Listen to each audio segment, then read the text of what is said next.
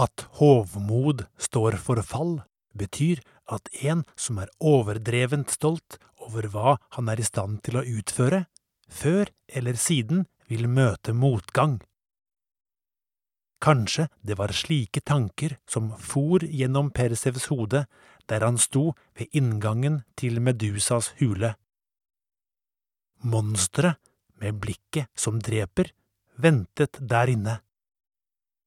Den gangen under kongens bankett, da han kjekt hadde lovet å fremskaffe monsterets avkuttede hode, var nå et fjernt minne. Men løftet han hadde gitt, måtte holdes. Noe annet var utenkelig. Persevs ristet av seg de negative tankene og tok de første skrittene inn i mørket.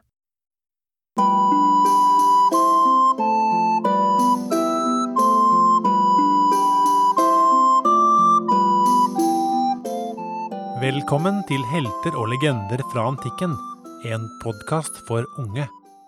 Episode 23 Legenden om Persevs I gresk mytologi er det mange helteskikkelser. Vi har allerede hørt om flere av dem.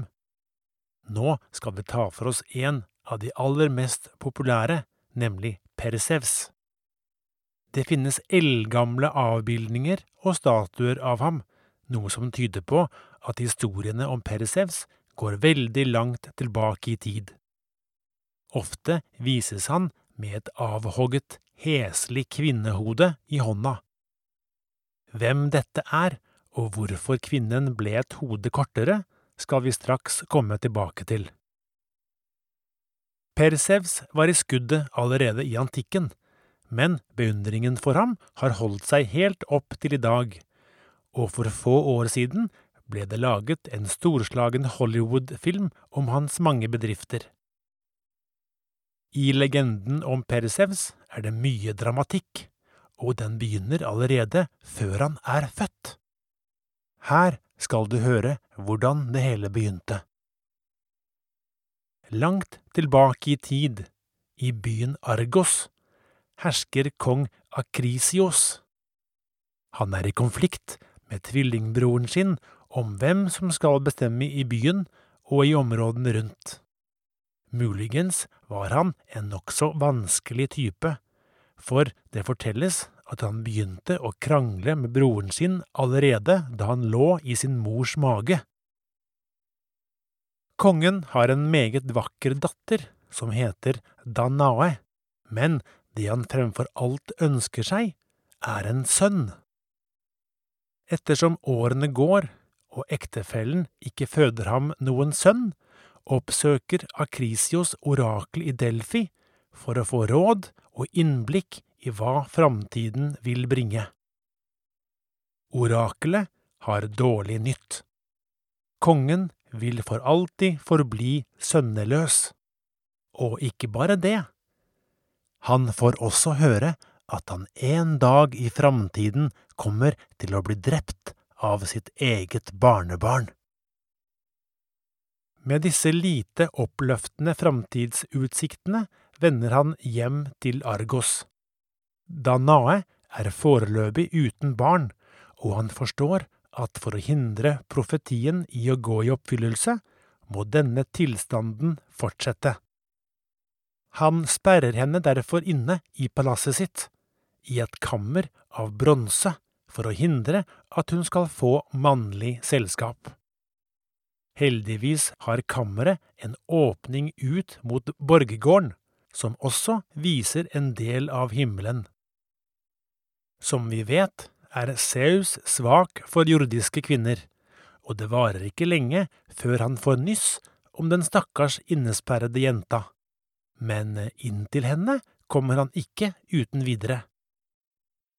Gudekongen har spesielle evner, og myten forteller at han skaffer seg den tilgangen han ønsker ved å la det regne gull over henne.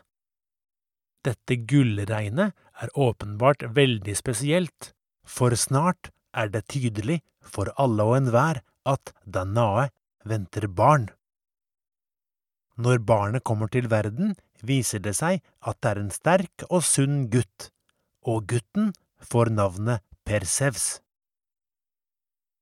Kong Akrisios er mildt sagt lite begeistret, og kunne nok aller helst tenke seg å rydde barnet av veien med en eneste gang. Men eh, et så drastisk skritt tør han ikke ta når det ser ut til at selveste gudekongen har hatt en finger med i spillet. Han gjør likevel noe som er ganske så hjerterått. Han tvinger Danae og lille Persevs ned i en trekasse og får den kastet på sjøen. Håpet er nok at de begge skal drukne, slik at orakelets profeti aldri vil oppfylles. Men Zeus eh, følger med på hva som skjer, og han gir Poseidon beskjed om at været ute på havet ikke må bli for ille. Etter en tid skylles trekasten i land på en øy, hvor en fisker finner den. Når han åpner kassen, er både mor og sønn i god behold. Fiskeren er åpenbart en varmhjertet mann, for han lar dem bo hos seg, og han oppfostrer Persevs som om gutten var hans egen sønn. Persevs vokser opp til å bli en sterk og klok ung mann. Han viser tydelige tegn på å ha spesielle evner, og folket på øya forstår at han er eslet til noe stort. Men så oppstår det en vanskelig situasjon mellom Persevs og han som er konge på øya. Kongen har nemlig kastet sine øyne på Danae, men han anser at Persevs er til hinder for at han kan få det slik han vil med henne. Kanskje prøver Persevs å beskytte moren sin. Kongen legger en plan for å rydde Persevs av veien. Han inviterer til en stor bankett, hvor det er forventet at gjestene skal ha med flotte gaver, gjerne en hest. Han inviterer også Persevs vel vitende om at den unge mannen verken har en hest eller penger til å kjøpe en. Når det blir snakk om hestene som gjestene har med, sier Persevs litt bråkjekt at kongen får nevne noe annet som han kan forære ham. Brått foreslår kongen at han skal skaffe ham Medusas hode. Vi må regne med at det blir tyst rundt bordet når disse ordene sies. For de som ikke har hørt om Medusa, kan følgende være greit å vite. Medusa var et gruoppvekkende monster, med ansiktet til et heslig kvinnemenneske og med levende, giftige slanger som hår. Men det frykteligste og farligste er blikket. For ved å se inn i øynene hennes vil du umiddelbart bli forvandlet til stein. Et blikk fra Medusa er den sikre død. Vi må tro at kongen var fornøyd. Persevs har fått et oppdrag som er umulig å gjennomføre. Det er bare å vente på at han feiler. Deretter vil kongen kunne gjøre som han vil med Danae. Persevs er sterk og modig, til og med halvgud, men han er neppe særlig høy i hatten når han legger ut på den farefulle ferden. Han vet at Medusa tilhører en slekt av fryktelige monstre, de såkalte gorgonerne, og han vet at hun holder til i en mørk avkrok av verden men han vil trenge hjelp for å finne fram, og ikke minst vil han trenge hjelp for å gjøre det av med henne. Gudene er heldigvis på Persevs side. Atene stiger ned og gir ham gode råd. Han får viktige hjelpemidler som han vil trenge når han står overfor monsteret med det drepende blikket. Av Zeus får han et spesielt sverd av Atene et skjold så blankpusset at man kan speile seg i det, og av Hermes, gudenes budbringer, får han et par sandaler med vinger. Sist, men ikke minst, av Hades, guden som hersker over dødsriket, får han en hjelm som gjør han usynlig når han bærer den. Atene forklarer Persevs at han må oppsøke en gruppe nymfer som vil skaffe ham andre hjelpemidler han vil trenge. Men eh, veien til nymfene er det bare tre fæle kjerringer som kan forklare ham, så først må han komme seg til dem. Møtet med kjerringene blir ikke særlig hyggelig. Det viser seg at de er tre urgamle søstre som ikke er så veldig godt utstyrt fra naturens side. For de har bare én tann og ett øye på deling. Når den ene kjerringa skal se, må hun legge øyet i den ene øyehulen sin. Når det er den neste kjerringas tur, må øyet sendes videre til henne. Men eh, når Persev spør hvor han kan finne nymfene, er de slettes ikke samarbeidsvillige. De nekter å oppgi informasjonen han trenger. Men eh, Persevs er lur. Akkurat idet den ene kjerringa sender øyet til den andre, styrter han fram og stjeler det. Uten øye famler de i blinde, og pipa får nå en ganske annen lyd. Det tar ikke lang tid før søstrene forteller ham hvor han skal gå, og Persevs gir dem da øyet tilbake. Når han omsider finner nymfene, er de heldigvis imøtekommende, og de forteller ham villig veien til Medusas tilholdssted. Men ikke bare det, de gir ham også en sekk hvor han trygt kan oppbevare hodet når det er kuttet av. Persevs er nå så godt forberedt som han kan bli.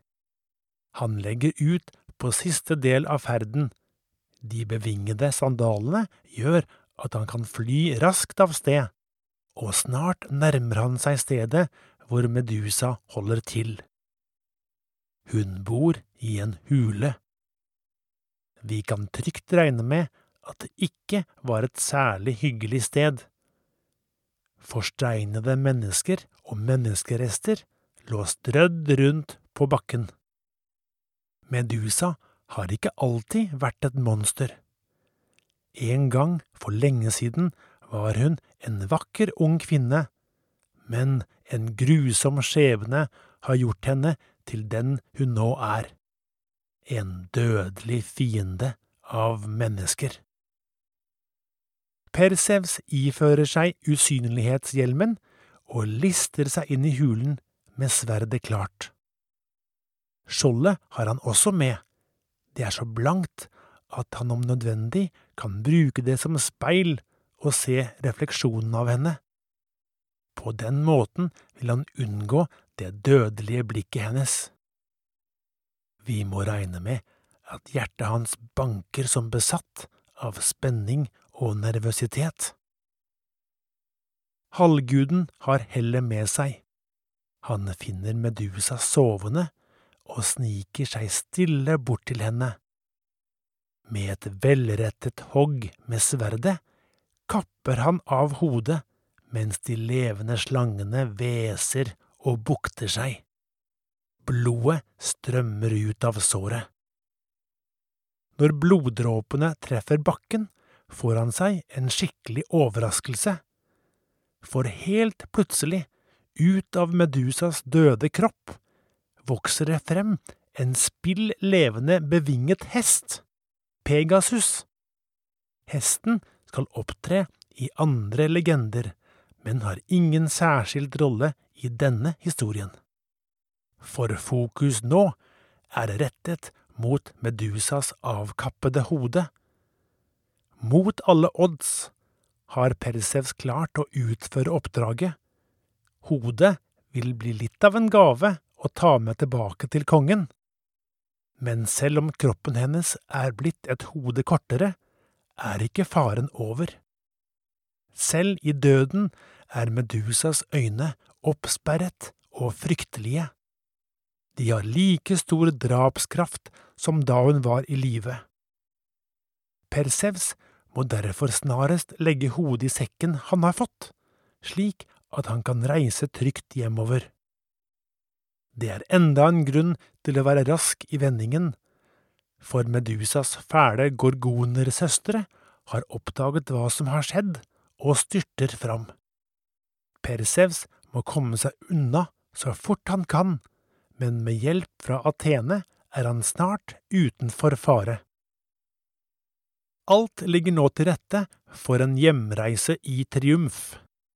Men eh, noe uventet inntreffer på veien, noe som får langsiktige konsekvenser. En dag får han plutselig øye på en vakker kvinne som grusomt nok er lenket fast til et fjell nede ved havet. I nærheten lurer et fryktelig sjømonster ved navn Cetus. Den fastlenkede kvinnen heter Andromeda, og hun har havnet i denne ulykksalige situasjonen fordi foreldrene hennes, som er konge og dronning i et mektig rike, har pådratt seg Poseidons vrede. Det begynte med at dronningen sa at datteren hennes var vakrere enn Poseidons favorittnymfer. Noe slikt var mer enn han kunne tåle, og som straff for denne arrogansen har han latt et sjømonster herje landet, og fått datteren deres lenket fast til fjellet. Som kjent farer ikke Poseidon fram med mild hånd når noen skal få unngjelde for sine overtramp. Persevs får medynk med Andromeda, og snart er han også forelsket i henne. Han tilbyr seg å redde den stakkars prinsessen hvis faren går med på at Persevs får gifte seg med henne. Den desperate kongen går med på dette, selv om hun egentlig er lovet bort til en annen mann. Persevs går så til aksjon.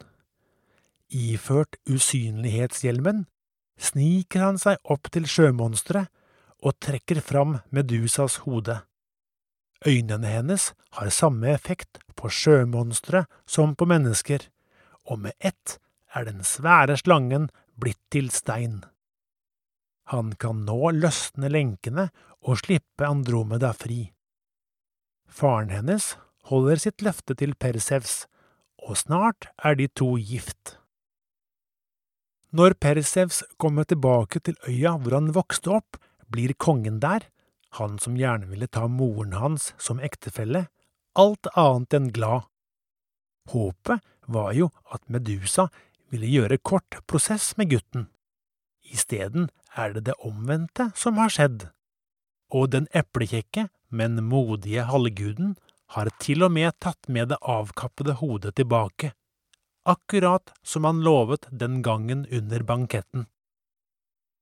Gresset begynner nå å brenne under føttene på kongen, og når Perseus finner ut at kongen ikke har klart å holde fingrene unna moren Danae mens han var borte, er hans dager talte.